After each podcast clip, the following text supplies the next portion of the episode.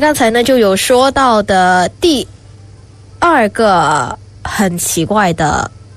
拉面配菜呢，就是青蛙，对不对？所以这一碗青蛙拉面呢，那根据店家的这个分享，他是说到哦，他们这次出的青蛙拉面是限定款，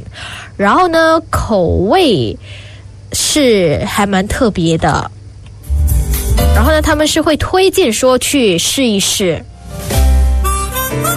而这碗青蛙拉面的价格就并没有像刚才之前的那么贵了。那这碗拉面呢是被标价为两百五十台币，那大约呢就是大概是十几万印尼盾了。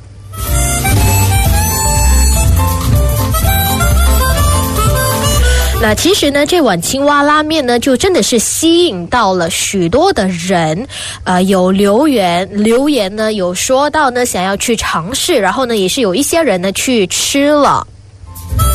然后呢，店家也是有分享说到，在每一碗。拉面里面呢，都会有大约两百 gram 的这样的一个重量的青蛙，就一整只青蛙哦，而且呢是特别强调，青蛙是绝对不会去切开的，也不会去皮，那建议呢要整个拿来啃，就是用啃的这个方式来吃它。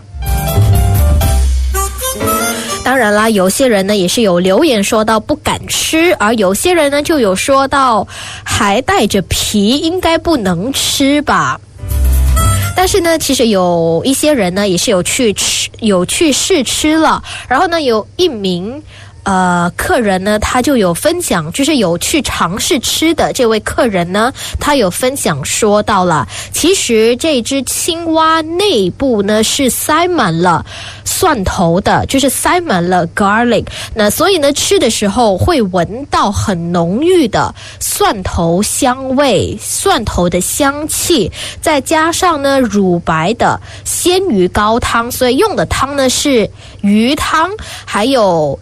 海鲜蛤蜊这样的一个精华，因为它有放蛤蜊，所以那个汤头呢，其实是真的是很鲜甜，所以不会说觉得口感方面或者说口味方面呢是很